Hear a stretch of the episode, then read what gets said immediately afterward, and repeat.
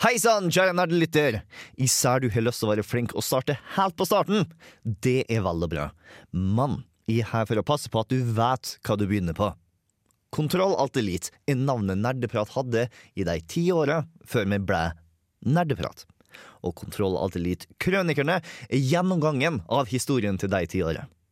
Dersom du har hørt en del nerdeprat fra før, så håper vi at du finner dette like interessant og sjarmerende som det vi trodde at vi var da vi tok det opp. Men dersom dette er ditt første møte med nerdeprat, så vil jeg heller foreslå at du sjekker opp episode null for en kjapp innføring, eller episode én for å få faktisk nerdeprat med en gang. Uansett hva du velger, så håper jeg at du koser deg.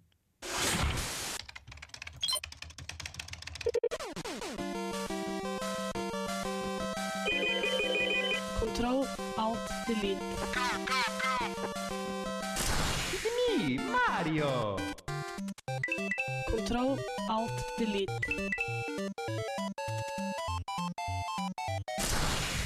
Unable to comply.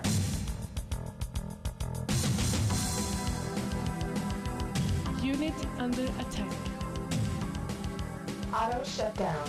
Sequence in progress. Ready to serve, my lord. Velkommen til en veldig spesiell sending av Kontroll Alt Elite. Fordi at nå har tida gått så langt at vi har klart å bli ti år gammel. Radio Revolt er klart å bli 30 år gammel, men fremdeles så er Kontroll Alt Elite det lengste gående programmet siden lydsjokket datt litt sammen for en stund tilbake. Og Derfor så skal vi ta og se oss litt tilbake eh, på alle sammen som har vært med før. Eller i hvert fall alle sammen som har muligheten til å stå opp etter en eh, lang jubileumsnatt eh, og kare seg inn på Lukas studio. Jeg har lyst til å snakke om fortida. Fordi at vi skal nå helt tilbake til 2005, da Kontroll Alt Elite først ble starta av to personer. Knut Sørheim og Håvard Videbeto. Hei, hei, takk, takk. Hei. God dag, god dag. Lenge siden jeg har vært i studio, Marke. Ja. Ja. Litt rusten. litt rusten Skal bare fjerne en pinne her fra Ja. Ja, for vi har et par andre folk i studio også, men eh, vi venter kronologisk til de dukker opp senere i historien. Fordi at nå er jeg veldig nysgjerrig. Fordi at jeg har vært mer i Kontroll enn god stund. Ikke like god stund som enkelte andre her, men eh, jeg har allikevel ikke klart å fått med meg så veldig masse av historien om Kontroll Alt Elite før jeg ble tatt opp, og jeg mistenker at det er en god del av lyttere som er kanskje i litt samme situasjon. Ja. Så derfor så ønsker jeg å vite hvordan ting starta. Hvordan Kontroll ble en ting tilbake i tida.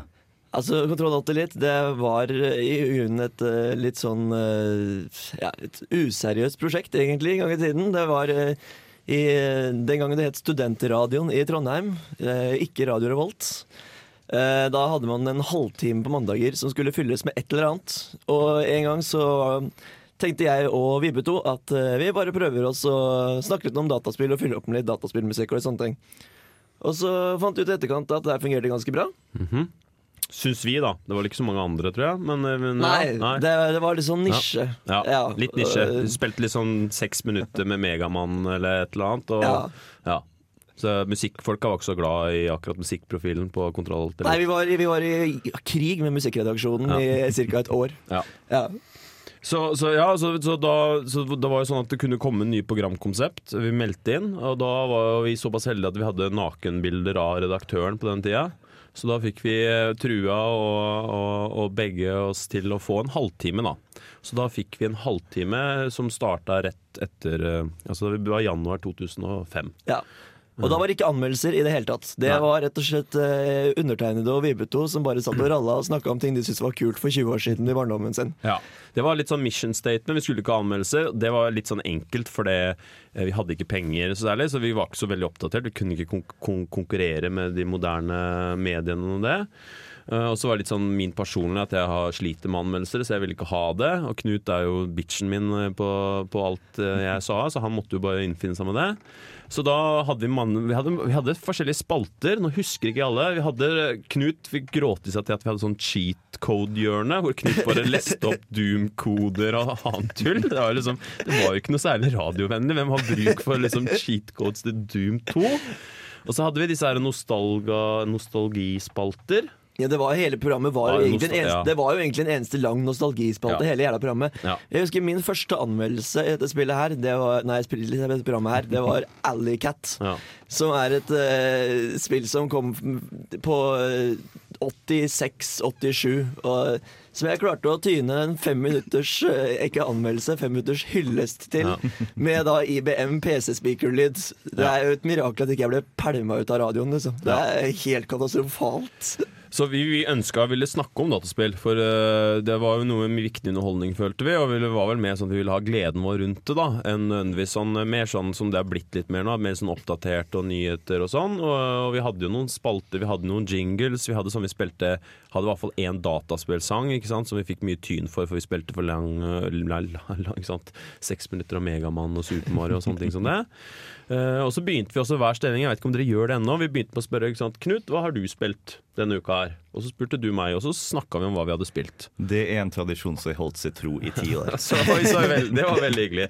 For det, det var bare noe vi Ja. Uh, Men da var det også viktig å variere litt, da. Hvis ikke så blei det liksom at vi spilte Knut hadde holdt på med Diablo fire uker på rad. Uh, og sånne ting. Så det var Ja. Så det, det, jeg tror det var egentlig det. Det var ikke Men det som var litt artig, var at Kontroll litt, som var bare noe Ikke noe tull, men noe jeg og Knut holdt på med. Det gikk ganske bra. Og vi, I gamle dager så var det et eget program som het Edelt, hvor de samla de beste sakene for hver uke. Eh, og der var det sånn at jeg og Knut hele tida ble litt sånn at alle, mye av våre saker havna på Edelt. Da. Så plutselig så, fra at disse radio, hippe radiofolka som liksom hørte på kul musikk og lagde programmer og sånn, eh, som bare sto og gliste litt når vi var inne der og hylte til hverandre, eller jeg hylte Knut, da. Uh, Blei liksom litt mer sånn at folk nikka litt, og ja, det her funker tydeligvis, og ja, det Ja, for det var det vi skjønte. At det å lage radio om dataspill er egentlig en veldig veldig takknemlig oppgave. Fordi at du har lyden, du har musikken, du har det å kunne lage liksom en stemningsfull sak. Det, det var egentlig en veldig takknemlig oppgave. Så eh, det var derfor vi fant til at eh, det her er noe man faktisk kunne ja, satse litt på. Mm, og dere var ikke bare først i Kontroll men dere var også først i Norge med å snakke om spill på radio, om ikke jeg tar feil nå? Ja, Det vi vi skryter av. Vi, vi har ikke funnet noe annet, nei. Det var Nei. liksom Bergen kom halvåret etterpå med noe sånn greie. Det var ikke noe på radio om det som var en egen, nei. Så, så det var liksom også vår claim to fame. Var at vi var det første Norges første radioprogram om dataspill, ja. ja, kun om det. Så vi har ikke funnet noe annet. Det er godt hende vi bare ljuger nå, men det er ingen som sjekker ut allikevel. Men, men det var ikke noe annet vi sant i på lokal eller i, eh, altså, i, ikke internasjonalt, men nasjonalt nivå, da. Men jeg var bare med et halvt år, eh, og da, for jeg slutta å studere, blei pang og gikk videre. Og da, da, var, litt, da var jo Knut aleine, og da skjedde jo noen andre ting. For da begynte jo noen andre Da fortsatte drømmen om Kontroll da. Så Ja. Hvem var det som dukka opp da? Har vi den personen i De studio? har personen i studio. Vi kan eh, få dem fram. Det var to som dukket opp da, som ble mine makkere. Det ene er eh, Torstein Hø, og den andre er Morten Hordvik. Dere kan eh, komme fram til mikrofonen, dere gutta. Takk. Hyggelig å se dere igjen. Veldig hyggelig å være i studio sammen med deg igjen, Knut. Ja, Det er altfor lenge siden. Veldig lenge siden. Men det føles veldig, veldig bra. Det gjør det. det, gjør det. Hvordan ble Kontroll Alt Elite endra når de kom inn? Hva var de brakte til bordet? Da ble programmet utvida. Vi eh, fikk det en time. Og vi ble også litt sånn mer eh, Vi gikk bort ifra at vi bare skulle spille ting som eh, vi spilte for 20 år siden, og obskur spillmusikk som ingen hadde hørt om. Og tenkte at vi skulle bli litt dagsaktuelle og begynne med anmeldelser. Der, det, det var, det, allerede på det semesteret så kom anmeldelsene. Det var bare å bli kvitt Håvard først. Så trofast var du, Knut. Det er bra, det er bra, det.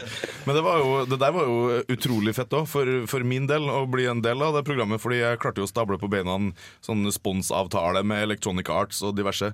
Så vi endte jo opp med å få tilsendt jævlig mye greier gratis. Og det er jo, det er jo noe av det beste med å jobbe i radio. Å få masse gratis stæsj som du kan ja, Lek deg med, rett og slett. Ja, Torstein var veldig bra på det der. Han var liksom sånn primus motor for å få tak i avtaler med Spaceworld og litt sånne ting. Og det var jo mye der vi fikk anmeldelse, eller begynte med anmeldelser òg. Vi fikk, vi fikk tak i sp- spill. Det var jo veldig greit å bare kunne gå inn i en spillbutikk og så bare hente seg et spill.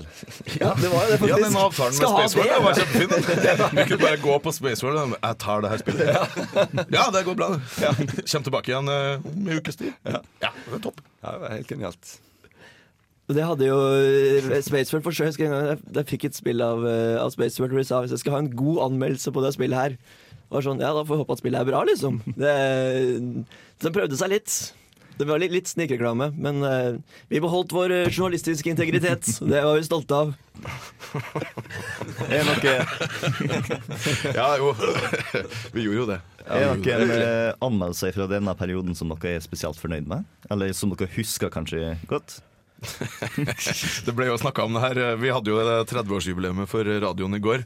Og da kom jo den, eh, den ene anmeldelsen opp der eh, som Knut Sørheim sto for. Den der Tasty Shafts, er det spillet het? Ja, men den var fra 2009, så du er, Ah, okay, du så det er litt senere i- er litt i kronologien. for litt-. Du er litt for sent Men, eh, men den står fortsatt frem som en av de bedre. Det er et slags sånn her japansk pornospill, da, skal man si det? Ja, ja. Der, ja. Men så det får vi komme tilbake til. tror jeg Vi, vi, vi venter litt med Tasty Shaft hvis vi kommer tilbake til det i det hele tatt. Det Men det som, det som vi kan trekke fram der, er jo klart at fordi at i studentradioen på den tiden så hadde man hvert, eh, hver jul og hver sommer så hadde man da en slags sånn eh, sommerfest og jule, julebordaktig ting. eh, hvor det da ble spilt de beste sakene. og hvor folk da ble premiert for beste humorsak, beste låt, beste jingle osv. osv. Og årets eh, beste sak ble rett og slett Var det du som lagde Torstein? Torstein fikk pris uh, for eh, spillet Burnout Revenge. som uh, rett og slett føler vi, vi bør få hørt, hørt igjennom. Det, det, det, det- var en god sak, og, den, og den, den var, der var du heldig. Du hadde mye lydklipp, og, og du, du hørte virkelig at du virkelig digga spillet. Du koste deg når du spilte Burnout Revenge, og det var en, det var en velfortjent pris. Ja, det, var, det var faktisk jævlig artig, og jævlig overraskende å, å vinne den prisen. Ja.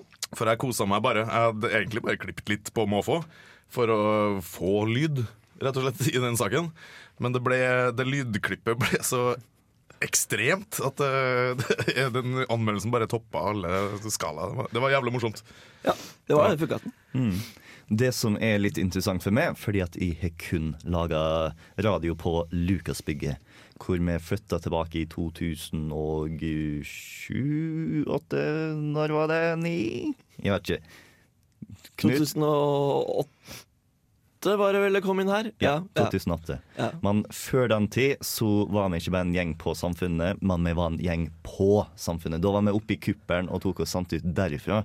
Og jeg lurer på hvordan det var å lage radio der. Altså Der skal det i sannhetens navn sies at det ble laget veldig lite radio der. Fordi at uh, vi eh, lagde sakene våre hjemme i vår egen datamaskin. Vi kjørte uh, Cool Edit, var det jeg brukte, rett og slett. Uh, tok opp uh, lydene fra spillene og satt hjemme på, i kollektivet vårt. Jeg bodde jo sammen med Torstein på den tiden, så vi satt egentlig hjemme og ja, lagde greiene våre. Og vi var jo sånn Alle teknikere var jo kjempenervøse. Vi var sånn alle teknikeres mareritt. For at de fleste program de pleide å være en sånn time, to timer tidligere ute. Og vi fikk jo utallige telefoner sånn fem minutter før sendinga. Sånn, ja, hvor er dere? Skal dere ha program i dag? Ja ja, vi kommer, liksom. Og da har vi, for vi har med oss alt på en minnepinne som vi bare overfører. Men eh, det, var, det var mange teknikere som ble nervøse da vi dreiv og regjerte. Det er fremdeles kanskje litt for masse stil for Kontroll Alt lite å være litt sent ute med anmeldelser fremdeles, men uh, heldigvis så er vi våre egne teknikere nå, så uh, vi gjør oss kun sjøl nervøse. Ja, men det er bra. Det er godt å høre Det er godt å høre at noe ikke alt har forandra seg. Men eh, skal vi ta og bevege oss litt lenger fram i kronologien, for vi er nå sist jeg sjekka, i høsten 2005. Nå i høsten 2005 eh, var vi på nå, ja. Yeah. ja. Og så ble det våren 2006. Da gikk eh, Morten ut, og så fikk vi en sistemann i kollektivet. Da var vi faktisk et rent studentradiokollektiv som lagde dataspill. Vi lagde ikke dataspill. Nei, vi lagde ikke dataspill, vi lagde dataspillanmeldelser. Ja. Takk for det. Vi Mye, først- 90 av tida i Kontroll til Elite-studio har gått med på å klapse Knut i bakhuet for feilinfo eller feilprat. Ja, men Jeg tror kanskje folk forsto hva jeg mente her. Men det er greit. Det var hyggelig å få et klaps i bakhuet igjen. Sånn for gammelt dager. Ja, det var det. Men eh, eh, apropos det å komme for Du kan jo presentere deg, forresten. Ja, Bernt Isak eh, heter jeg. Eh, det, å, det gikk jo, som du sa i stad, sporty å, tyne grensa til når vi kunne komme til studio. Og jeg følte spesielt det halvåret vi tre, eh, meg, deg og, og Torstein, hadde når vi bodde i kollektiv. Det var sånn torsdag og Kontroll Elite-dagen, husker jeg. Da satt vi hjemme og spilte og lagde anmeldelser. Og så, det var veldig trivelig, for vi kunne gå opp ja, hør på saken min hør på saken din. Bla, bla, og så var det liksom altså, Det var ikke sendinger sånn klokka ti på kvelden eller noe. Nei, det var klokka ti på kvelden. Ja. Så var, det sånn, ja, var vi som regel på radioen sånn kvart ti på ti. Det satt en sånn eh, tynnhåra tekniker med frynsete nerver og venta. Uh, men uh, for å eh, eh, Hva heter det? Ja, whatever. Eh, litt seinere i historien, jeg slutta å lage anmeldelse og var kun programleder, så tyn, jeg husker en gang jeg tynte den der, å komme seint litt for langt. Så jeg var sånn halvveis til samfunnet, så skjønte jeg bare faen, jeg rekker ikke å være der til det begynner. Da ringte jeg opp, og så sa jeg Hei, jeg heter Åpningsstikket fra telefon. så, Du vet du har blitt for varm i trøya da. Ja, jeg har blitt for andre.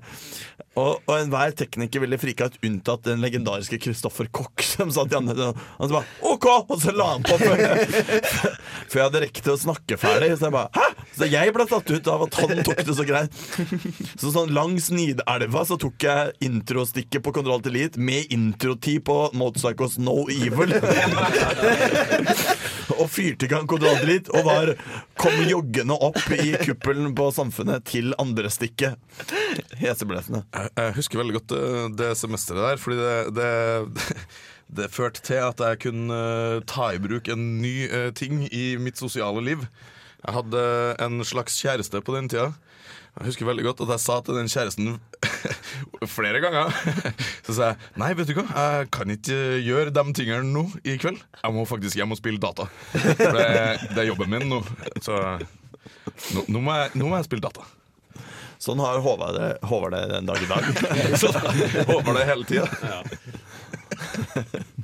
Nei, men Det var utrolig befriende. Uh, vi brukte mye tid på det der, og det var uh, sykt uh, faktisk givende. å Og, kan lage radio om noen ting som man bryr seg om. Og det, det, det satte jeg stu, stor, stor pris på. Ja, et av mine aller beste halvår i mine altfor mange år i studentradioen var det halvåret vi tre hadde kontanter litt sammen. Det var, liksom, det var en sånn uh, fusjon, eller hva skal jeg si. Det, det bare funka så bra, det, det halvåret der. Det ble produsert utrolig mye. Jeg tror det var det halvåret der du lagde Burnout eh, Revenge og Nei, sånn. det var halvåret, med, halvåret før det. Ja, det var- det var- det var helt første halvåret. Okay. Første halvåret. Det var veldig overraskende. Ja, full kontroll. Bare, bare. Til forandring. Apropos kontroll, eh, jeg er litt nysgjerrig på hvorfor dere valgte navnet Kontroll Alt Elite tilbake i dagen. Da må vi grave opp Håvard Viveto. Har han gått ennå? Nei, det er han faktisk. Ja, Ja, ja. Nei, men eh, eh, Hvorfor vi kalte det det? Kan du huske det, egentlig? Nei, altså, jeg, vi satt og tenkte på veldig mye navn frem og tilbake. Så tenkte jeg at vi måtte liksom forsøke å finne noe som folk eh, Ja, altså det, det var jo det forbinder med data. Men Ja. det, var mange navn frem og tilbake. Jeg husker, men jeg husker ikke noen alternativene våre, egentlig. Nei, jeg tror altså Det var vel for altså, Både vi og jeg og Knut spilte mest PC på den tida. Eh, jeg er vel alltid fortsatt en sånn PC-gamer. eh, men, men eh, Så det var jo egentlig ikke så veldig bra navn hvis du tenker på at det skal signalisere spill. Det kan jo høres mye ut som et dataopplegg. Vi skal snakke om Mac og Linux og alt det greiene der. Så det, det avslører litt også hvordan det var i starten. Eh, det var vel bare at eh, det er en sånn eh, god gammeldags nerdeting. At nå liksom always fails control alt elite, ikke sant. Uh, det, det, det er, når du påpeker noe, så henger du ikke sånn sett på greip. For det er jo ikke noe som handler om spill. Det er jo mer en tilknytta en kommando i et operativsystem, som alle nøler tenkte når, når spillet hang seg. ikke sant? Så kontroll alt elite hadde uh, for å komme ut igjen uh, hvis ikke du fikk alt tabba og måtte restarte. Så Men det har også skjedd en del med dataspill på de åra, de ti åra der. At Mm. dataspill var kanskje mer en nerdegreie som var for spesielt interesserte. Ja. Og det var jo slik at folk så litt rart på oss og lurte på hvem er disse folka som står i studio og spiller rar musikk og, ja. og banner til hverandre og snakker om ting vi overhodet ikke skjønner skitten av. Eh, det var den gang da. Det, det er, jo- nå er det jo slik at dataspill er blitt mye mer allmenneie, og der folk spiller Jenter spiller mer, gutter altså, Så det Kontroll Alt Elite var på en måte Det passa egentlig fint til at det bare var sært og smalt, Ja. rett og slett. Ja, så det, det, så det var ikke noe særlig det er, Beklager om å skuffe deg, egentlig. Jeg tror ikke jeg husker vi diskuterte eller noen ting. Sannsynligvis var det jeg som hylte til Knut, som det var i gamle dager, om et eller annet. Og så sa Knut ja. Nei, men vet du, kom, jeg, jeg, husker, jeg husker også at vi kom fram til at da navnet Kontroll kom på bordet, Ja. så husker jeg at da var en unison inne med at Ja. det er jævlig bra! Ja. Det går vi for! Ja, jeg ikke Det det, husker var jeg noe faktisk. ja, Og så var det tilbake på Magic, tror jeg sikkert. Ja, spilte. det var vel det, Ja, ja, antageligvis. ja, jeg tror ikke det var så Ikke noe belte. Nei. Jeg, jeg belte ja. Apropos, eh, apropos Magic, jeg må bare skyte inn. Eh, eh, for jeg har jo jobba i, i litt sånn servering og utebransje ganske lenge. Eh, bare for noen dager siden så kom Jørgen Hegstad fra P3 eh, Fame. Fame. Var innom sammen med en kompis. De satte seg faen meg og spilte Magic the Gathering. Eh, og jeg, jeg var borte og snakka med dem om Jo, nei, det It's back on. Nå er det faktisk det som Det, det skjer nå. Jeg, jeg spilte senest uh, Magic the Gathering med, på uteserveringa til søstrene Carlsen med Jørgen Hegstad nå i sommer, så det, det er ikke dødsspill overhodet. Samme som Kontroll Elite, så lever det videre. Samme som Jomfrudommen og singellivet. Til Knut. Men eh, er det noen eh, av de tingene som fremdeles er i live i dag, som dere var litt uenige på? Tilbake i tida dere skulle ta og danne ta programmet. Hvordan ting skulle angripes. eh, Hva slags eh, måte programmet skulle være på. Ja, hva tenker du på? Hvordan eh, Nei, liksom innhold eller noe sånt. Om det er noe morsomme historier der. Oi, det er masse historier, sånn sett. Som sagt, altså Konseptet litt, hvis dere hører på de gamle episodene nå, var jo mer at, at Knut var litt den profesjonelle eh, programlederen, mens jeg var den sinnagærne nerden som skreik til Knut og, og sånn. Eh, og det var manifesterte seg litt hvordan vi jobba, for Knut er ikke alltid så strukturert. Så det ofte så begynte For vi var jo mandagen vi hadde før. Så ofte var jo Jeg hadde jo sakene ferdig ofte liksom på tirsdag eller onsdag, ikke sant? For jeg hadde jobba i radio lenge og jeg fiksa det fint. Men Knut er notorisk Sløv. lat. Eh, ikke sant? Så det ofte begynte med For jeg bodde i nærheten av Knut, så det begynte ofte med på fredag at jeg kom som en sånn dement Romeo sto utenfor vinduet til Knut og hylte dødstrusler fordi han ikke hadde begynt på å lage de tinga han skulle lage. Og innimellom kjærlighetserklæringer. Ja. Eh, og så sånn den her dere fortalte om hvordan dere var sløve før og sånn, det var jo ikke For jeg var jo tekniker, egentlig. Jeg jobba jo teknikkstaben, så det her var litt min sånn moonlighting, da. Og, og Knut hadde et sånn problem med å nå deadliner, han var jo kjent for det. Eh, så da var jo min oppgave var jo å piske mye Knut, for jeg hadde alt ferdig. Eh, og Knut jobber faktisk best under press. Han jobber best når noen står over han og sier 'nå må du gjøre noe'.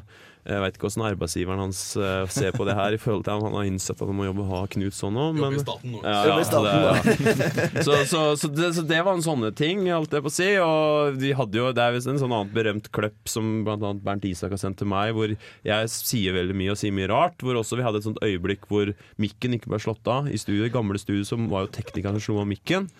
Og jeg kjente jo alle teknikerne, så det var en sånn veldig sterke ting som ble sagt under en musikk, hvor jeg eh, sier vel noen ganske Grove- grove ting til både Knut og teknikeren. eh, hvor eh, veldig sterke homoerotiske ting jeg har lyst til å gjøre med, med personer. Hvor det ble sendt, da. Og det har visst, som jeg har forstått, blitt sendt litt uh, som advarsel at det er veldig lurt å sjekke at mikken er av før du skal begynne å seksuelt trakassere både programlederen din og teknikeren.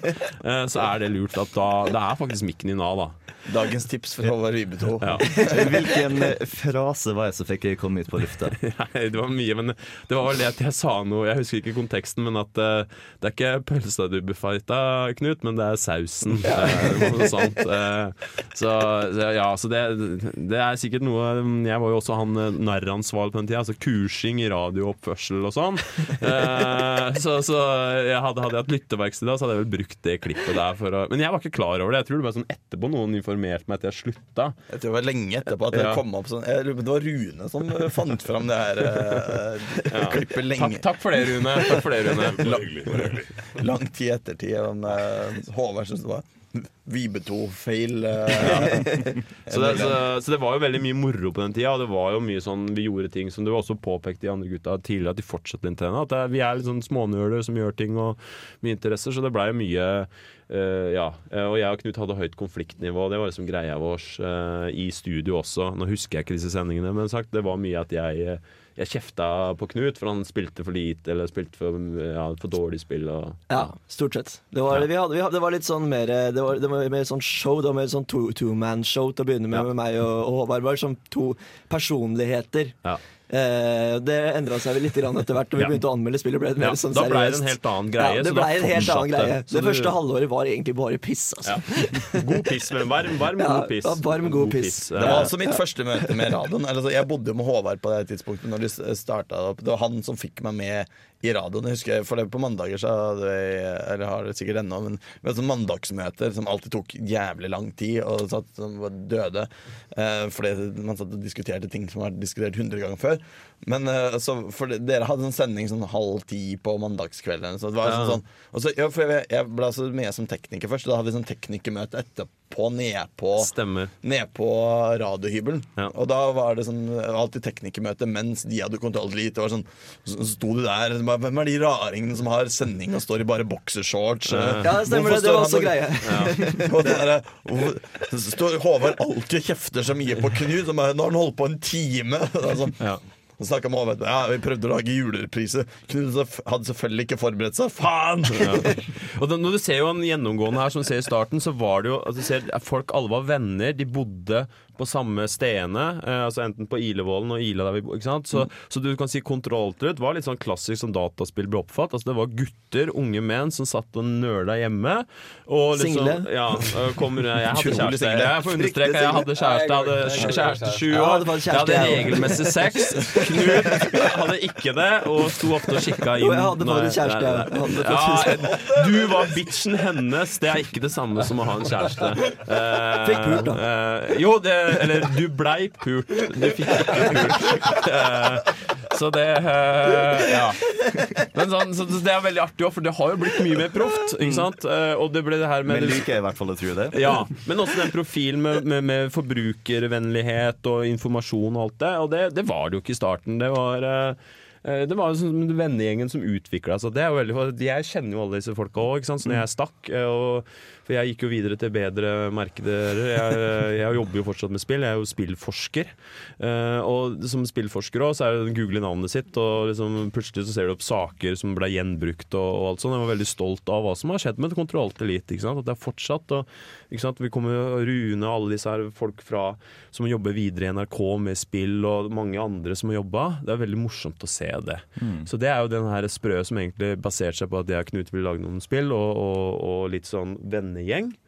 Som har holdt på et program som har holdt på så lenge, som så mange har hørt på. Det ble Podkastene ble jo lasta ned, og det var jo veldig det var jo populært. Da. Så det som starta på en halv time, og plutselig så ble det to timer. Og det ble liksom det programmet som nesten ble en av flaggskipene til studentradioen i Trondheim, som i dag er Radio Revolt. Ja. Så det Så jeg, jeg, jeg, jeg vi, vi, vi føler unektelig en viss stolthet, eh, Håvard. Det, det ja, gjør vi. ja, det gjør det. Ja. det- er veldig, det er veldig sprøtt, og det er veldig fint. eh, at, eh, og det viser behov. Som eksempel Rune, som jobber i NRK, gjør, viser jo det at ikke sant, fortsette at det, at det åpner opp, at alle vil høre om Alle medier i dag. Ikke sant? Alle nettaviser, alle har jo noe om spill. Ikke sant? Nå er jo, til og med hører på P2, så har det liksom Jørgen Kirkeseth som sitter og prater om et spill der. Liksom, «Hæ, Hva er det her for noe? Liksom? Hvorfor har de det? Uh, for det er jo interessant. Alle vil høre om det her. Eh, så, så det er liksom ikke bare det Du hørte først på Studentradioen. ja, jeg så klar over det. Alle først på. Det var mottoet motto i, i gamle dager. Det hørte først på Studentradioen. Det var det vanlige. Særlig uh, Alley Cat, for eksempel. Jeg tror Tasty Shaft også var en premiere. Altså, første, første og siste gang var mer det innafor det. Men vi, vi, altså, sjøl om det blei mer sånn, litt mer anmeldelse, i hvert fall sånn rundt den tida jeg, jeg kom med, Uh, og når man kunne gå på Space World og bare plukke med seg et spill og Det er mange gode stunder fra kollektivstua. For det var jo sånn at vi ofte, når vi bodde Vi tre bodde sammen, så spilte vi jo på en måte Vi satt jo ofte og spilte egentlig det samme spillet, selv om det var én som hadde ansvar for å anmelde det. Og det førte, jeg, førte til veldig eh, god Altså lett studioprat òg, fordi alle liksom visste mye om, om spillet, selv om man ikke hadde faktisk lagd anmeldelsen. Så det var utrolig lett å skravle altfor lenge om, om det spillet i, i, studioet etterpå. Og det var veldig morsomt for mange av de spillene som dere satt og anmeldte på. Det synes jeg var sånn Å, det her ser jo kjempemorsomt ut. Så begynte jeg å spille det sjøl òg. Ja, så Så det- det som, var regel, som regel så hadde alle spilt spillet. Ja. Opp til altfor mange timer. I løpet av en Det tar oss vel opp til en eh, japansk klassiker, gjør ikke det? Det gjør det. Det, gjør det. det, det var veldig fint bygd opp. Utro. Som, og den har vi en anmeldelse liggende i arkivet som kanskje kan eh, Det må jo spille seg etter hvert, tror jeg. fykes inn her. We Love Katamari, Ja. som er et oppfølgerspill til Jeg husker ikke hva det første Det var et eller annet Katamari-spill. Det er det mest obskure og erde spillet noensinne. Som er, jeg husker ikke hvordan det kom inn, eller hvorfor vi fikk tak i det. Bare, det på et eller annet vis bare dukka det opp, og så begynte vi å spille det. Det var, jeg spilte PlayStation 2, hvor det er på en måte sånn eh, Det er liksom der, som å lage snømann. Som å rulle en snøball som blir større og større. Bare at det, det er ikke snø, det er alt ting. Så du kan måtte Det er høres ut som hele verdenen du driver på med. Du må bare begynne i det små. Ja, du må begynne i det små. Og så bare ruller du opp ting. Så du kan rulle opp alt som er eh, på en måte mm, mindre enn det, den ballen du har liggende. Og så er det egentlig bare så er det masse forskjellige baner. Så ender, så skal Men man her bare er liksom storyen litt viktig å få med seg, for kongen av kosmos har blitt drita og ødelagt alle stjernene i galaksen. Og Ja. det er det du skal gjøre. Du skal samle opp nye stjerner. Ja, du, ja, så du skal bygge nye stjerner og planeter ja, og putte dem i kosmos. selvfølgelig Så det var det, det hver bane slutta med. Bare oh, that's nice, let's pop it into cosmos. Psh. Som førte til at vi i kollektivet av en eller annen grunn hadde noe som egentlig tror jeg var et teppe, men som var hengt opp som veggkunst. Som vi døpte om til Kosmos. Så når vi fant rare ting på bakken eller sånn Ting vi tok med oss hjem i fylla. Ting vi tok oss hjem i fylla. Så ah, let's pop it into Kosmos. Så vi lagde vår egen kosmos på veggen hjemme i kollektivet. Der hang det jævlig mye rart. Ja, det gjorde det. Veldig mye rart. Det ble samla på utrolig mye der i løpet av sånn fem-seks år. Ja, det var trist å kaste det teppet, faktisk. Det, det var faktisk. Men Du, hygienisk korrekt. du, du vurderte om du skulle ta vare på kosmos. Ja, jeg tenkte jeg vurderte det seriøst. Men Må eh, vi kaste det? samboer ja, var ikke, det er var ikke åpen for å henge det opp. Det var jo, det var jo et sånn her uh, gulvteppe uh, som hang på veggen. Det så litt- Med tegnestifter og nåler og dritt. Og det var masse papirlapper og alt mulig slags skrot som bare var Jo mer som kom opp der, jo mer så det ut som noen bare hadde liksom spraya lim på et teppe med masse drit som lå på gulvet, og så hengt opp etter det. Akkurat som en katamari. Ja. Så når man, når man egentlig tenker tilbake på det, så uh, Jeg tror aldri omgivelsene mine har blitt så påvirka av et dataspill før. så, så Katamari skal ha kudos for det, rett Og slett. Katamari hadde et fantastisk soundtrack. Eh, Jeg hadde dette soundtracket på min flotte MP3-spiller, og jeg gikk og vandra rundt i Trondheims gater med soundtracket til Katamari. Som er rimelig surrealistiske greier, men det bare fungerte veldig fint. Det Var det ikke du som sovna på sofaen en gang, Torstein? Så, Jo, for faen! I ventemenyen så står det sånn, så står det sånn fyr og hopper, så bare sier han hjemme sånn Origami! Origami! Sovna på sofaen eh, etter eh, antageligvis et par øl. Og så ja, eh, måtte jeg høre på det da, hele natta.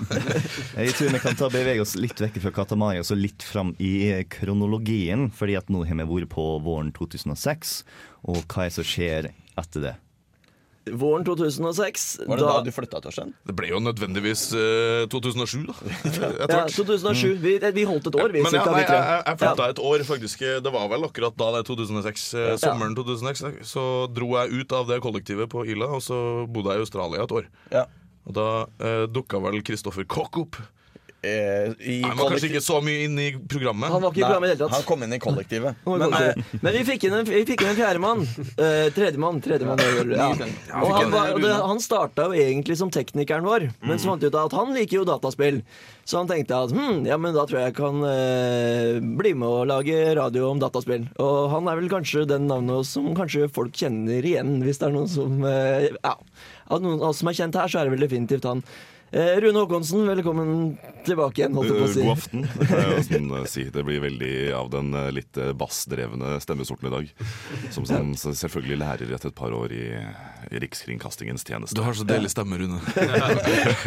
Jeg måtte bare si det. Det er veldig hyggelig å være tilbake i dette der studioet. kom, Altså. det, det, det er sånn, du skifter mellom der Hva, hva, hva, hva? Så ja, så blir det så- så- så- så- så veldig gøy, er. Enthusiastic, vet du. Det, Dataspillet! det er så gøy! Det er så gøy Nei, men det, det, det, det, er jo det er derfor jeg begynte med og hadde lyst til å være med i Kontroll til litt. Det var jo fordi at det først var det ikke plass. Uh, fordi at dere allerede var fulltallige. Men så tenkte jeg jeg kan jo snike meg inn som en tekniker. Så hvis jeg ikke dro til Australia, så hadde det vært meg i P3 nå. Så at, uh, du kan jo i hvert fall ta litt ære her. Men uh, det endte jo med at eh, fritidsinteressen eh, rett og slett gjorde seg så gjeldende at jeg hadde lyst til å begynne å anmelde spill også. Og det var jo noen eh, svært viktige formative år hvor eh, også online-spill som World of Warcraft eh, dominerte en del av min eh, spillinteresse. Men først og fremst anmeldte vel du alltid sånn Team- og Sim-spill av av- Som fortsatt er den typen spill jeg liker aller best. Altså det er, jeg, har ikke gått helt tysk stil, altså i Tyskland, som er en utrolig fascinerende liten uh, fun fact, er jo at simulatorspill av type Farming Simulator eller Truck Driver Simulator eller Train Driver Simulator Altså sånne ekstremt boring titler, det er jo veldig populært i Tyskland. Ved siden av Ved siden av byggespill og strategispill, som er kanskje mitt hjerte nært. Så jeg, skal ikke si at jeg har gått helt uh, tysk stil, men, men eh, jeg er kanskje den av oss her som, som ligger mest så i, i lende, kan jeg si det. Kan vi få en kjapp liten kommentar om uh, relativt nye Goat Simulator? Har du, har du vært innom det? Ja, og det som er gøy, Nå har du også til og med lansert en liten oppdatering og utvida spillet med da en Goat Simulator MMO. Så du kan spille Ja, det er sant. Det er helt sant. Hvor de rett og slett ripper på World of Warcraft, så du kan ut og queste med geita di. Det er ganske gøy og ganske teit. Eh, eh, Men grei underholdningsfaktor, det er tross alt det viktigste når vi kommer til akkurat den, eh, den typen spill. som det er. Selvfølgelig. Nei, men det er Måten du kom inn i programmet på, er litt sånn fremdeles typisk i Radio Revolt. Hvor du har teknikere som blir tatt opp til å trykke på knapper, og så sniker de seg inn i studio, og så får de en mikrofon rett mot seg, og så plutselig så har jeg tatt over programmet. Det er jo kanskje fordi at også med en spillinteresse så ligger det en, en, en slags også teknisk interesse. Og at teknikere gjerne eh, blir med og har lyst til å jobbe med det nettopp for å eh, få muligheten til å få gratis spill, som selvfølgelig var jo en viktig del av motivasjonen. Altså, alle, alle, hele kontrollateliet med unntak av meg og Håvard Nei, med unntak av meg, faktisk, har jo vært teknikere. Er det sant? Det, Det er skummelt. det var teknikere. Morten Ja, ja, er ja, ja. Du var ikke Morten Morten var ikke- Morten tekniker. Nei, meg og Morten. Det er unntaket. Du hadde bare sånn fjaseprogram hvor dere snakka om Bergen. Ja. Hallaisen! Det Hallaien! Fyllesyk klokka det var, det var egentlig deres eget vorspiel-program. Ja, det var vår medisin. Hallaien! Jeg må si for øvrig, Det er, det er også veldig hyggelig å være tilbake i studio og kjenne at uh, fyllesyken forsvinner i en relativt eh, høyt tempo eh, ved litt eh, preik om eh, de viktige kjernetingene i livet, som selvfølgelig er eh, spill. Dy- Dype ord. Det, er altså kanskje på sin eh, plass å nevne at uh, sjøl om vi skifta altså ganske kjapt etter at eh, Håvard eh, forsvant ut til en eh, i veldig gåsetegn uh, profesjonell retning. Altså, når vi begynner med anmeldelser, så, så bevarte vi mye av Det var liksom viktig å holde på ånden med Vi hadde masse andre saker som eh, Vi hadde jo retro og gamer. Ja, ja, ja, ja, ja. Hvor, hvor, hvor, som var sånn, ikke en anmeldelse, men mer en sånn homasj til et eller annet ja, Ikke Alicat, men uh, Jo, altså, men det var det som greia. Retrogameren var egentlig det, det eneste som ble holdt igjen av det som jeg og Håvard opprinnelig starta. For det var jo en hyllest til gamle spill. Og den Så, blir eh, faktisk dratt fram en gang iblant fremdeles. Ja. Ja, men det er bra. Det er jo en fin tradisjon. Jeg håper dere bruker jinglen som er lagd. Jeg, jeg håper de bruker Retro gamers! Jeg håper de bruker Ukas gadget-jingle som vi lagde. Vi sangen Ukas gadget. Den Det var veldig bra. Det var veldig fin. Jeg husker vi, vi jobba med den. Ja. Kjempebra. Jeg, det er altså jeg og Torstein og Knut som synger på Synger Ukas gadget på den jingelen. Og jingelen er jo for så vidt et, igjen et poeng med at man liker jo duppeditter også som, ja. som, som kontroll til liter, og at teknikeryrket var jo svært nært på, på, på hele, hele greia. Altså. Det er sant, det. Men hvordan endra programmet seg når Rune kom inn?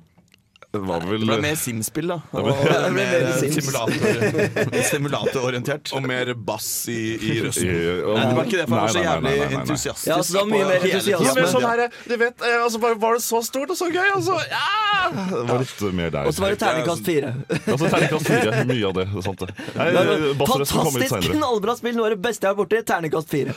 En streng fyr. Jeg mener jo at Skal man først gi terningkast, så skal terningkast seks henge svært høyt oppe.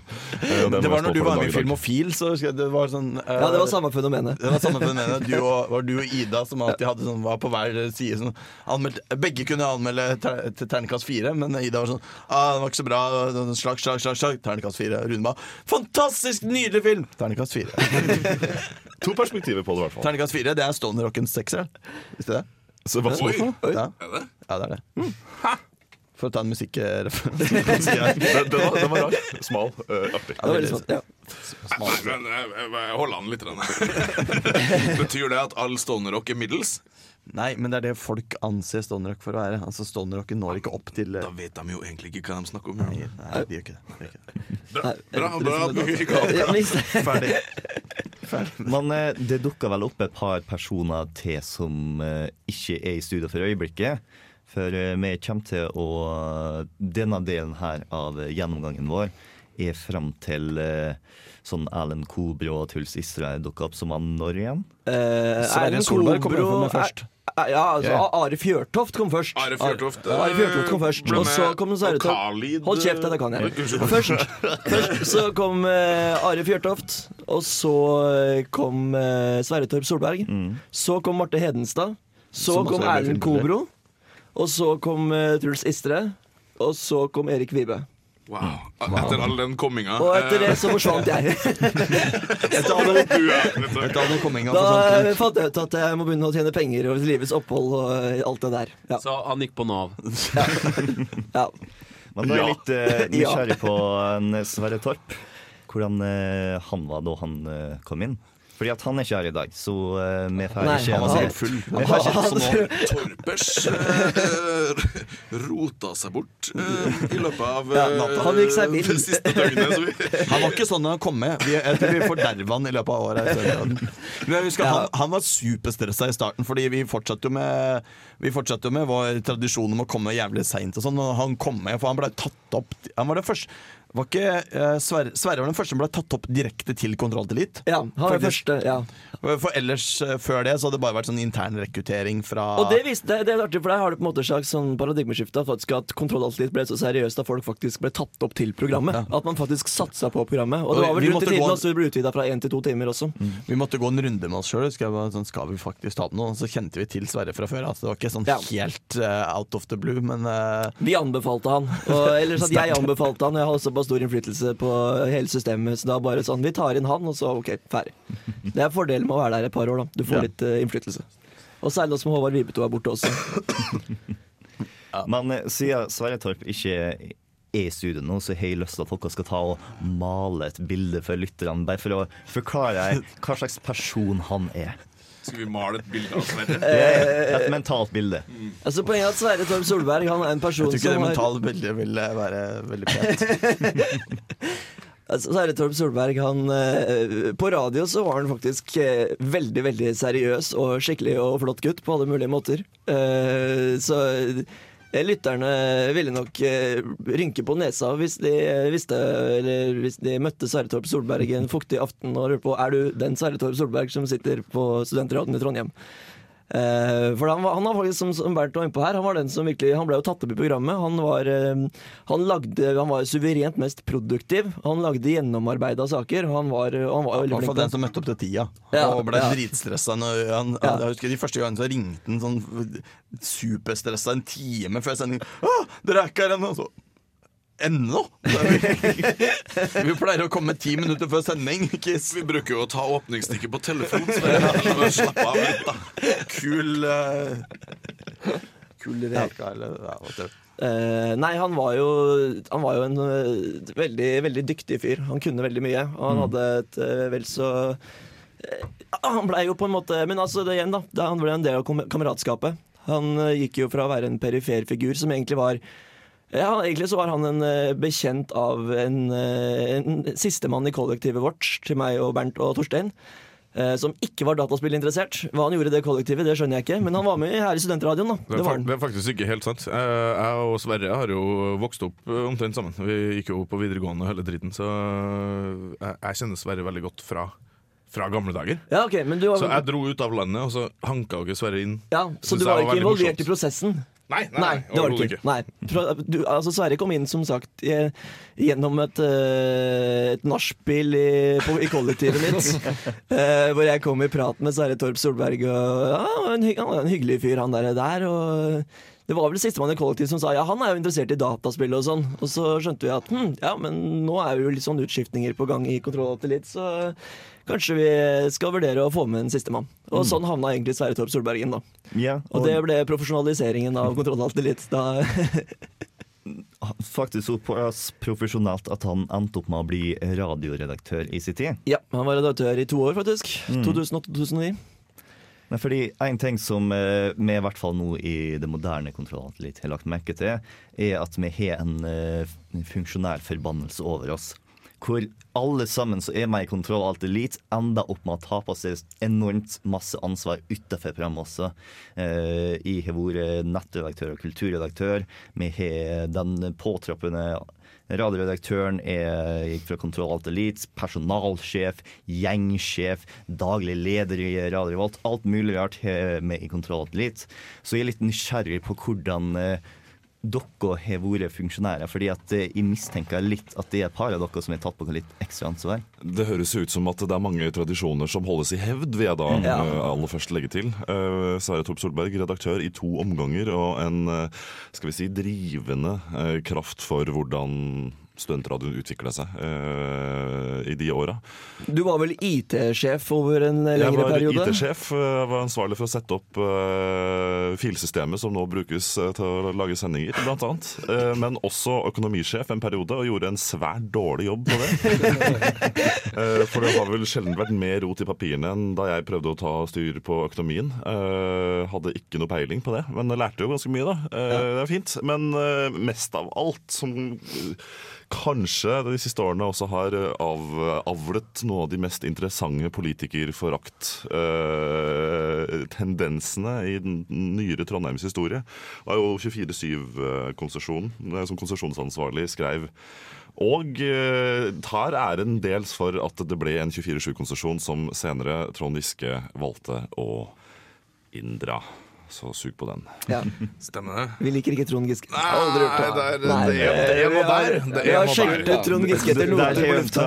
der jeg en tradisjon som fremdeles holdes i hevd.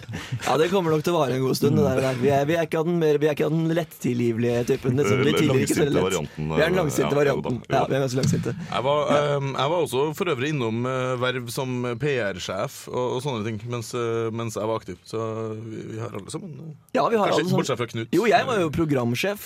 Å oh, Ja, Så- var du det? ja? Ja, ja. Du var barsjef, ja. Ja, ja, Ja, Driftige folk. Ledelse 111. Ja, sånn skal det gå. Ja, så det er nok av ans- ekstraansvar å ta på seg. Men eh, med tanke på hvor mange år jeg har vært, så vil jeg jo si at jeg ikke har hatt så veldig mye funksjonæransvar. Men jeg har også gjort det jeg skal gjøre, nemlig anmelde spill. Mm. Det er jobben min. Det er det, som er, det er det jeg var her for. Eh, Jeg har jo vært suverent lengst i uh, Studentradioen i Trondheim. Ja, Det heter Radio Revolt, men jeg sier Studentradioen i Trondheim. Det er det det Som spillanmelder, ja. Knut har vært Eh, suverent lengst i, i, ja, nå- som spillanmelder men Ja. eh, av oss i Kontroll Alt Elite. Ja, jo, Altså, ja, jo da. i Kontroll Alt Elite. Ordet på veggen. Ja. Altså jeg, jeg starta i studentradioen eh, i 2002 eh, i et kulturprogram. Og så var jeg egentlig sånn i ferd med å avvikle min karriere i studentradioen sånn rundt 2004. Da jeg kom inn. Eh, da du kom inn. Fordi at jeg hadde liksom følt at jeg hadde brent kruttet litt. grann. Eh, og så kom da da dette dataspillideen med Håvard Vibeto på banen. Og så holdt de på med det et halvår, og det var veldig morsomt. Og så eh, ble det gamle kollektivet mitt oppløst, og da flytta Torstein og Bernt Isak inn. Og det ble på en måte en helt ny æra. Så jeg, på en måte, jeg har blitt med i studentradioen to ganger. Jeg, da, Plutselig egentlig. morsomt å drive på med radio Ja, igjen. pluss- ja, det var det. det, var, det ble, og, da, og da, da tok jeg like gjerne fem nye år, liksom.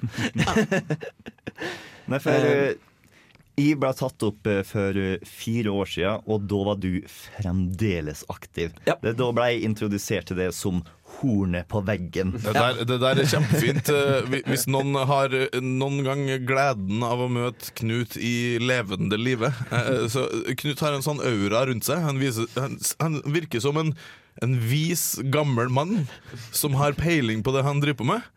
Selv om han overhodet ikke har peiling i det hele tatt. Men han, han har en sånn aura rundt seg. Det det er bare sånn der ah, Ja, er sånn Knut! Hornet på veggen. Han vet faen meg hva han snakker om, ass. Men jeg er, sånn, Så sånn, kan- jeg er akkurat sånn, sånn der japansk mann som går sånn der, har langt, hvitt skjegg og en stokk. Du Og det ha holder, deg det er samme hva jeg egentlig sier for noe. Jeg har liksom langt, hvitt skjegg og en stokk, og det, er- det er alt jeg tar, blir til gull, liksom. Ja, det, har ikke, det er ikke lave tanker om deg sjøl du har det, i hvert fall. Men jeg har lyst til å dra litt lenger fram i eh, kronikken, fordi at eh, det kom nok et medlem etter Sverre Torp. Etter Svein Torp Solberg kom, eh, da fikk vi jo vår første kvinne. Yes. Det gjorde vi.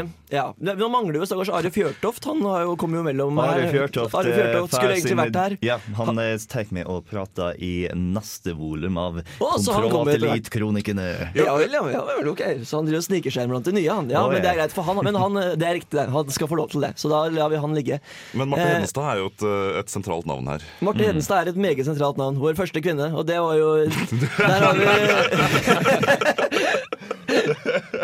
ble Du får sagt det, Knut. Hun ble Hun er det nærmeste jeg noen gang har vært eh, innpå en kvinne. Det var etter at vi fikk henne inn i systemet. Nei da, jeg bare kødder. Men eh, det var, eh, det var veldig morsomt. Det, jeg husker vi hadde noen Vi hadde, vi hadde sånn derre festival, Teipfestivalen, for en del år siden. Og da hadde vi en avtale med et firma som het X Games, som var deltidssponsor, holdt jeg på å si. Så drev og forsynte oss med litt sånne der ymse ting. Og hadde, drev og kjørte del på eventer og sånn. Og da skulle vi ha et møte. Et sånn møtekontroll Alt Elite møter da eh, ledelsen i dette X, eh, X, eh, X Games, ja. Mm. ja. Og da husker jeg at han der fyren eh, Han eh, kom da og møtte oss eh, på Lukas. Eh, hvor da jeg sitter sammen med henholdsvis Marte Hedenstad eh, og en til. Og hvor denne fyren her da strekker fram hånda og hilser på alle sammen, og deriblant Marte Hedenstad. Eh, og liksom sånn, ja Hva gjør du her? Ja, men vi spill! Så, så det var tydeligvis det, det, det var tydeligvis veldig brudd med hans forestilling om uh, hva som var programledere i et dataspillprogram. Det var tydeligvis Marte Hedenstad et veldig brudd med. Uh, og med Marte Hedenstad så fikk vi jo omsider inn en World of Warcraft-spesialist. Hun uh, har tilbrakt ufattelig mange timer dette her sammen med sin eh, ektemann. Som Ja. eh, nå begge to er igjen i gang med Warlords of Drainer-utvidelsespakken som kom for eh, Ja. to uker siden.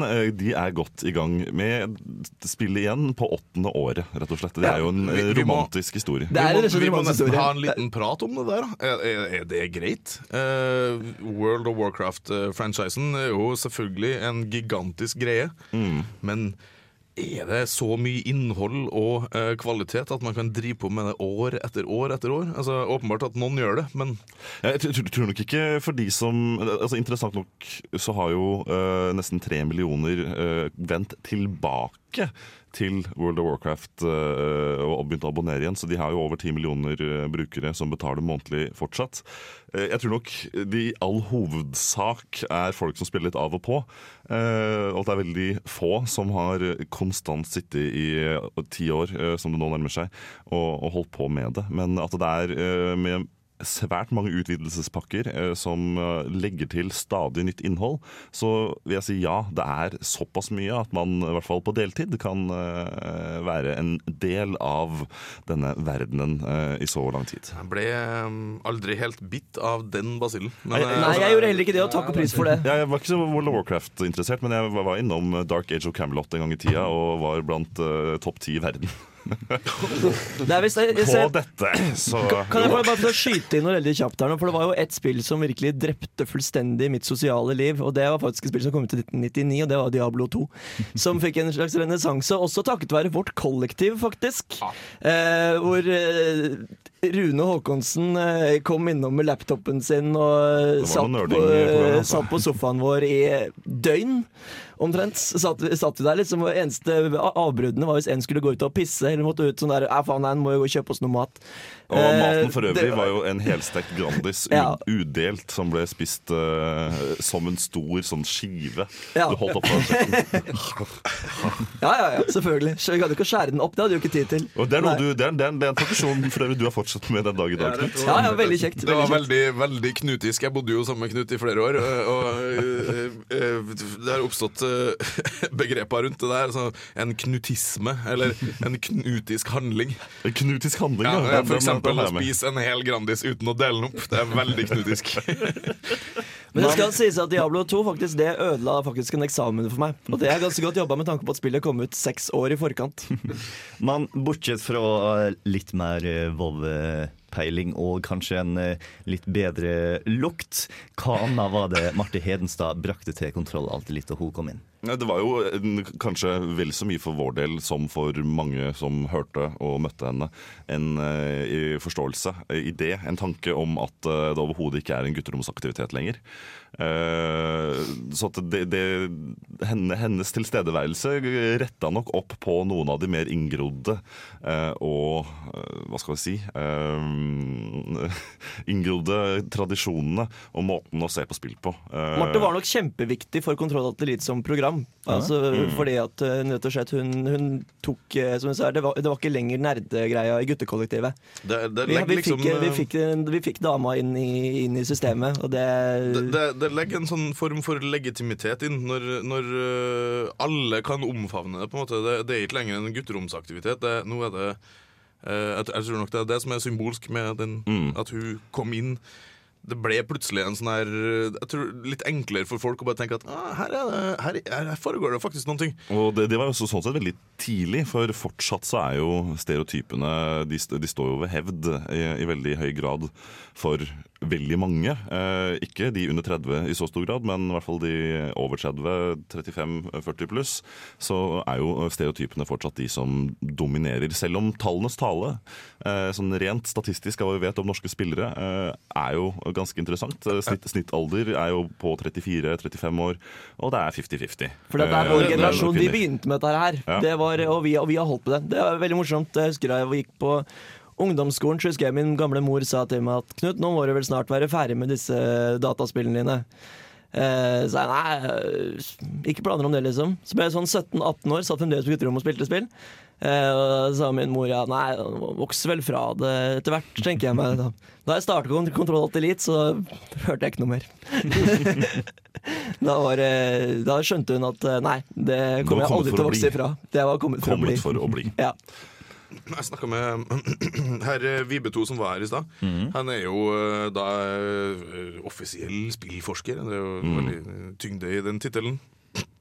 Men uh, han, uh, han, han sa uh, i går så drev vi snakket om det der, og da sa han at statistikken sånn på verdensbasis tilsier at den gjennomsnittlige gameren er ei dame på underkant av 50. Mm. men det er jo av all uh, tablet-spillinga, Facebook-driten Ja, du- og ja, opplegget der. Hvis du- du hvis du- tar alt sammen da, som Ja, hvis, gaming hvis det bryter ned på plattform, så er jo konsollspill fortsatt dominert av menn. Eh, mens på PC så er det litt mer likt, og på mobilplattformer så, så ligger gutta langt bak. Det, da- det er damer som er Ja, ja. Det ser Candy på Crush T-banen, Saga. Ja, ja, ja, ja. Bare damer. ja, det er jo det. Så rart. Det, det er veldig veldig interessant, egentlig. Ja. Nei, Men men- alt er jo spillkultur, så det, jeg synes det er fint at det inkluderes og tas med i det store, store bildet. egentlig For det gir jo en, en, en annen, et annet perspektiv på det. Men nå har vi tatt og kommet litt i mål av eh, historikken her. Så jeg har lyst til å ta et lite tilbakeblikk hvor eh, dere starta til hvor vi nå avslutta. Eh, denne æren rett før eh, Kobro og Truls Sistre og Are Fjørtoft og dukka opp i neste del av kronikken. Så dere begynte Vi, hører, som- vi, må, vi må ikke glemme Khalid Assam. Ja, for Khalid ja. Assam han eh, må også definitivt nevnes. Ja. Han kan heller ikke være her iblant oss i dag. Det var, det var også et Eh, jævlig viktig steg for uh, norsk eh, spilleradio. Altså at vi Ja. får en pakkis da inn eh, på gamerfronten. Liksom. Der, der var vi banebrytende, altså. Ja, vi var det. Vi, var det. vi fikk en eh, minoritet inn i Nei, det var faktisk ikke det som var greia med Khalid Assam. Men Khalid Assam han er eh, det nærmeste jeg har kommet dataspillenes svar på Arne Skeie.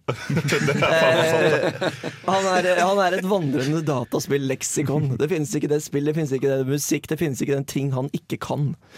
Eh, og Vi skulle veldig gjerne hatt han med her i dag, men han jobber i staten og representerer eh, staten, så det kunne ikke gå, Jeg må dessverre. si den, den generasjonen som øh, vi nå har snakka om, har jo spredd seg godt ut. mm. sånn sett i, i media, i byråkratiet Ja, har og ikke minst i akademia. Så det, det, det er jo en, en, en fascinerende eh, ting å konkludere med. Ja.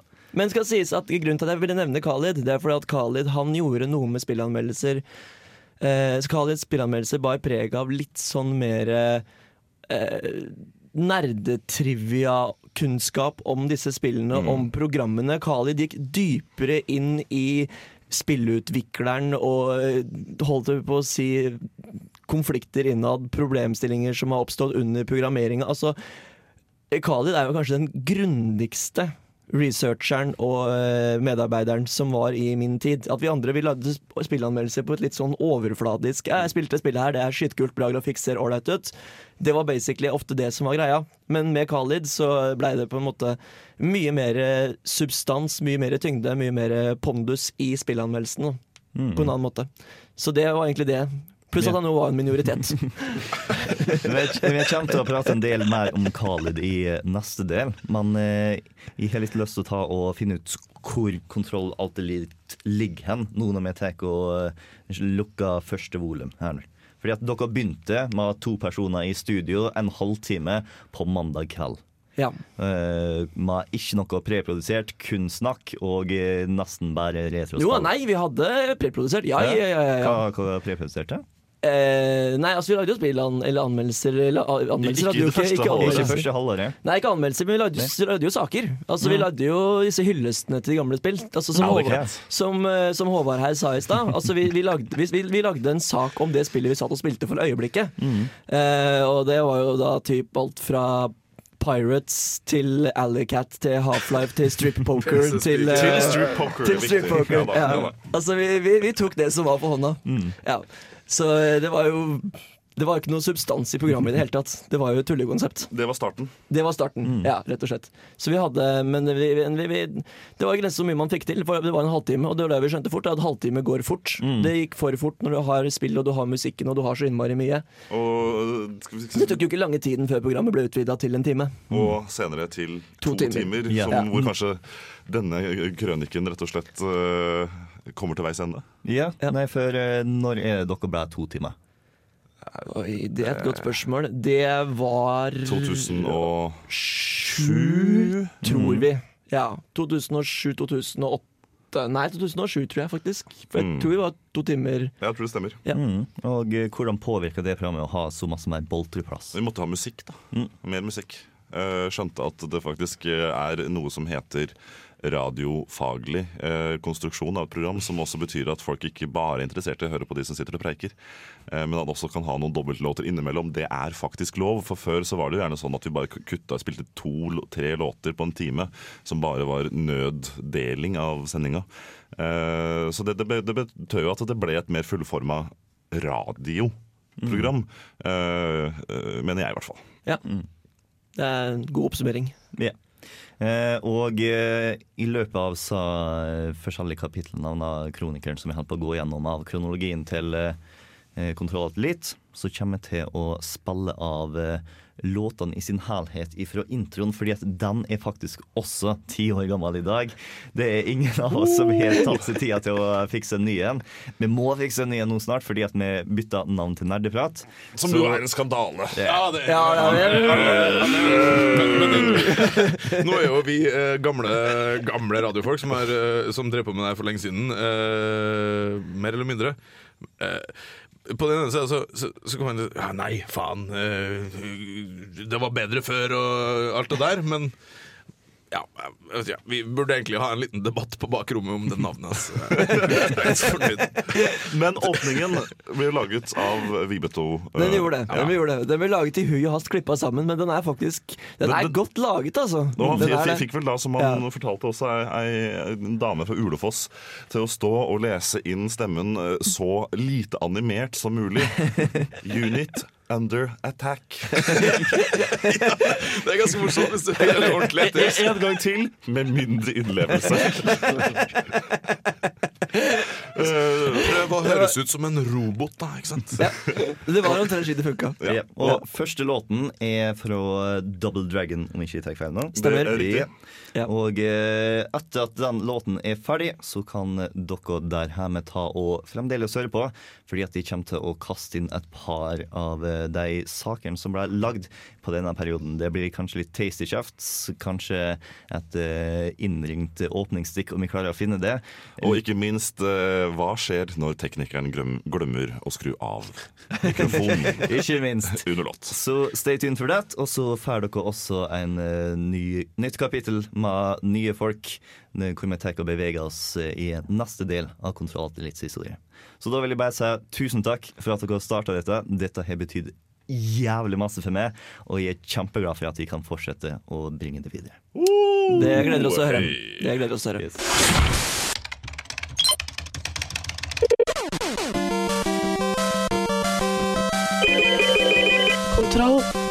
alt,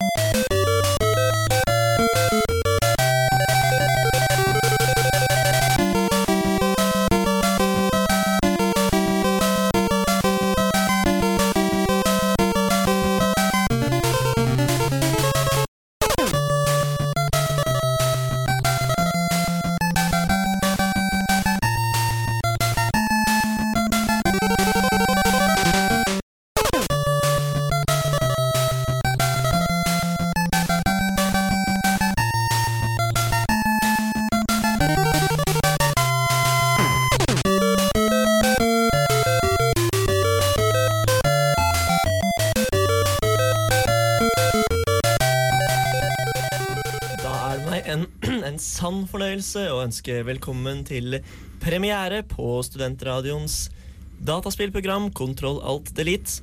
Mitt navn er Knut Sørheim, og min makker er Håvard Vibeto, og vi begge to er supernerder av rang.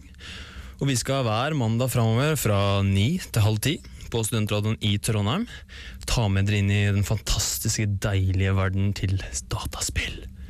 Det er ikke bare sånn Larry og porno og sånn, selv om det kanskje høres litt ut sånn på stemmen til eh, Håvard. Men eh, det vil nok sikkert bli noe av det også. Hvis jeg var et dyr, så hadde jeg vært en bakgårdskatt. Blitt den tøffeste katta i gata, på jakt etter den fineste kattedama, samtidig som jeg terroriserer leilighetene til folk.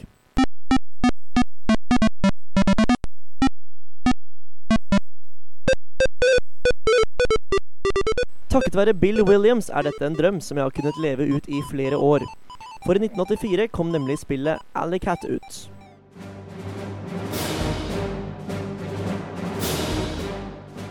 Snart så kommer det en ny Star Wars-film i mai.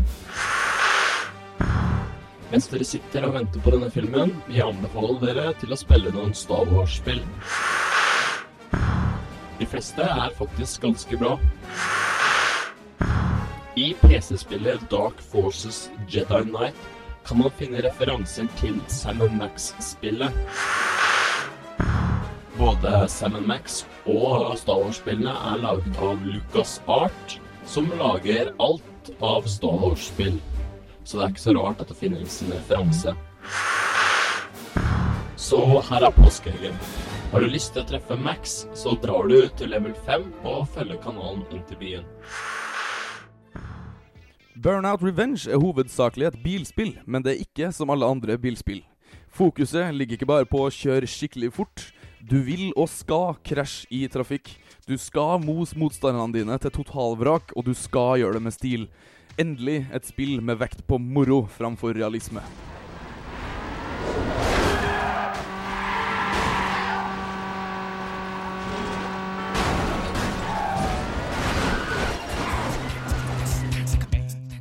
Love Katamari er kanskje det rareste spillet jeg har prøvd på lenge, og jeg kan godt skjønne at produsenten ikke hadde tro på at det ville nå et stort publikum. Konseptet er utrolig simpelt, som å lage en snømann bare med alt mulig slags ting istedenfor snø.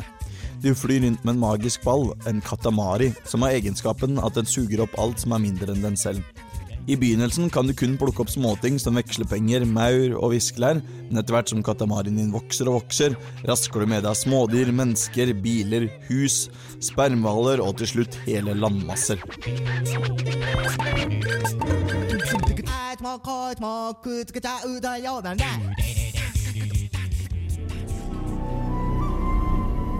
Sakte nærmer Altair seg, skjult bak en gruppe munker kledd i hvitt, akkurat som han.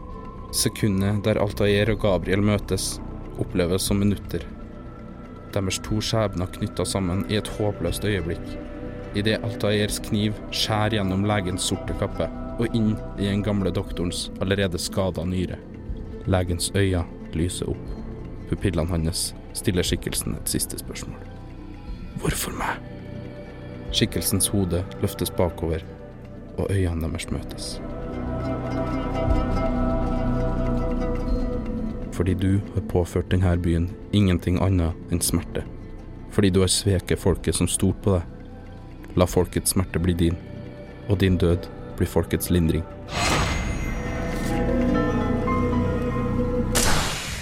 Unable to comply.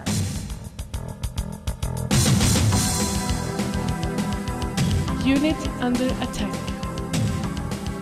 Auto shutdown. Sequence in progress. Ready to serve, my lord. Da er det på tide med Kontroll Alt Elite igjen. Det er torsdagskveld. Og som vanlig så er jeg, Bernt Isak Wærstad, ute og spaserer min vanlige torsdagskveld. Torsdagstur ved Nidelvens bredder. Men eh, med meg i studio så har jeg jo Rune Håkonsen og Knut Sørheim. Hei, hei, Bernt. Hallo. Hei, Hei, hei. Hyggelig å høre din fagre røst. Hvor er du nå? Nei, Jeg sier jeg er ute og går ved Nidelvens bredder. Er du langt unna nå, eller? Nei, jeg er nærme meg snart, vet du. Det er flotte greier. Jeg må si Det er fantastisk at man kan ha slik utrolig bra teknologi at man kan klare å kommunisere gjennom mobiltelefon. altså. Ja, det er fantastisk hva teknologien kan gjøre. Ja, det er helt fantastisk. Sånn var det ikke under krigen. Nei, nettopp.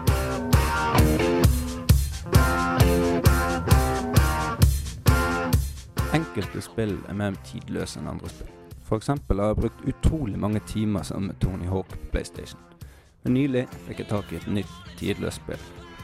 Denne gangen handler det om snø, og spillet heter SSX On Tour.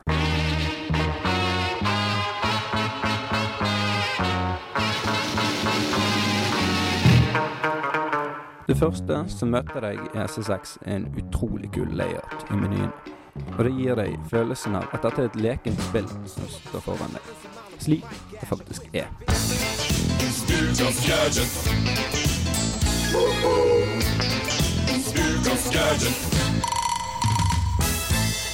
Super Mario Galaxy!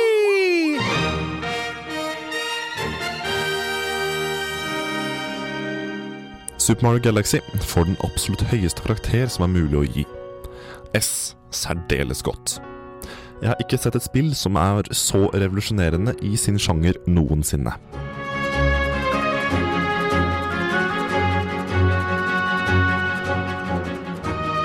Her følger en sammentrakt stikkordsliste på hvorfor. Jeg gidder nemlig ikke å bruke mer tid på å gjøre det alle andre blader, radio- og TV-programmer samt internettsider allerede har gjort før meg. Masse spenning, sykt soundtrack, fengende musikk, gode kontrollere, bra grafikk. Ja, til vi og været, da. Flott historie, utrolig innpakning, nye sopper. Og ja, apropos det, du kan nemlig bli bie, ismann, ildmann, spøkelse, fjær, supersopp, regnbuestjerne og flyvende Mario. Og tilbake til spillet. Nydelig nyskapende, utfordrende bosser, fantastisk co-op mode, fet bruk av kontrolleren, nyskapende nivåer, og det beste av alt, du kan spille alle brettene om igjen, og om igjen, og om igjen, og om igjen, og om igjen. this dream Nesten alle jenter har en eller annen gang hatt en drøm om å eie en hest eller en ponni. Selv var jeg i ekstase da jeg i en alder av ti år fikk lov til å ta ridetimer og etter hvert kunne ha hest på fôr. Nostalgien slo derfor hardt inn da jeg skulle prøve spillet My Horse and Me. My Horse and Me skal være en slags simulator om livet som hesteeier og rytter. Du kan reise verden rundt med hesten din og konkurrere i sprangkonkurranser og mesterskap. Her er banene realistiske i forhold til hvor du er og typen hindre du må gjennom osv. Men du kan også spille små minispill som fokuserer mer på fantasi og pastellfarger. Håpet mitt for dette spillet var at det skulle ta meg tilbake til barndommen og hestegale tider. Et spill som har aldersgrense 3 pluss vil jo være litt vanskelig å anmelde hvis du ikke klarer å sette deg inn i tankegangen til målgruppen for spillet. Uansett. Når spillet først starter opp, er jeg faktisk spent som et lite barn, men jeg blir med det første litt skuffet. Mens jeg gjør meg kjent med menyen og mulighetene i spillet, slår det meg hvor simpelt det hele virker. Grafikken er jo ikke akkurat revolusjonerende, og det er en del ting i spillet som virker så lite forseggjort. Når du klarer et ritt, f.eks., kan du vinne nye klær og nytt utstyr til hesten din. Men dette utstyret har ikke noe å si for hvordan du gjør det i konkurranser. Det er bare til pynt. Jeg er hemmelig forelska i både Einar og Eirik. Det var guttesandwich med dem. Nei! Faen! Vær anstendig her, da. Resten av fekte med de. Jævla Husk, Knut, det er ikke pølsa du blir fighta, men det er sausen. Money Prince Billy er tilbake med en kraftfull, rå og brutal skive. Jeg tenker jeg hadde to timer program i uka hvor jeg satt og bare var talkshow. Det var rart det ikke var saksøk, vet du. Det kommer aldri til å gå bra at jeg kom på luften. Jeg skjønner ikke at jeg fikk lyst til det. Katastrofalt. Du kan samle! Nei!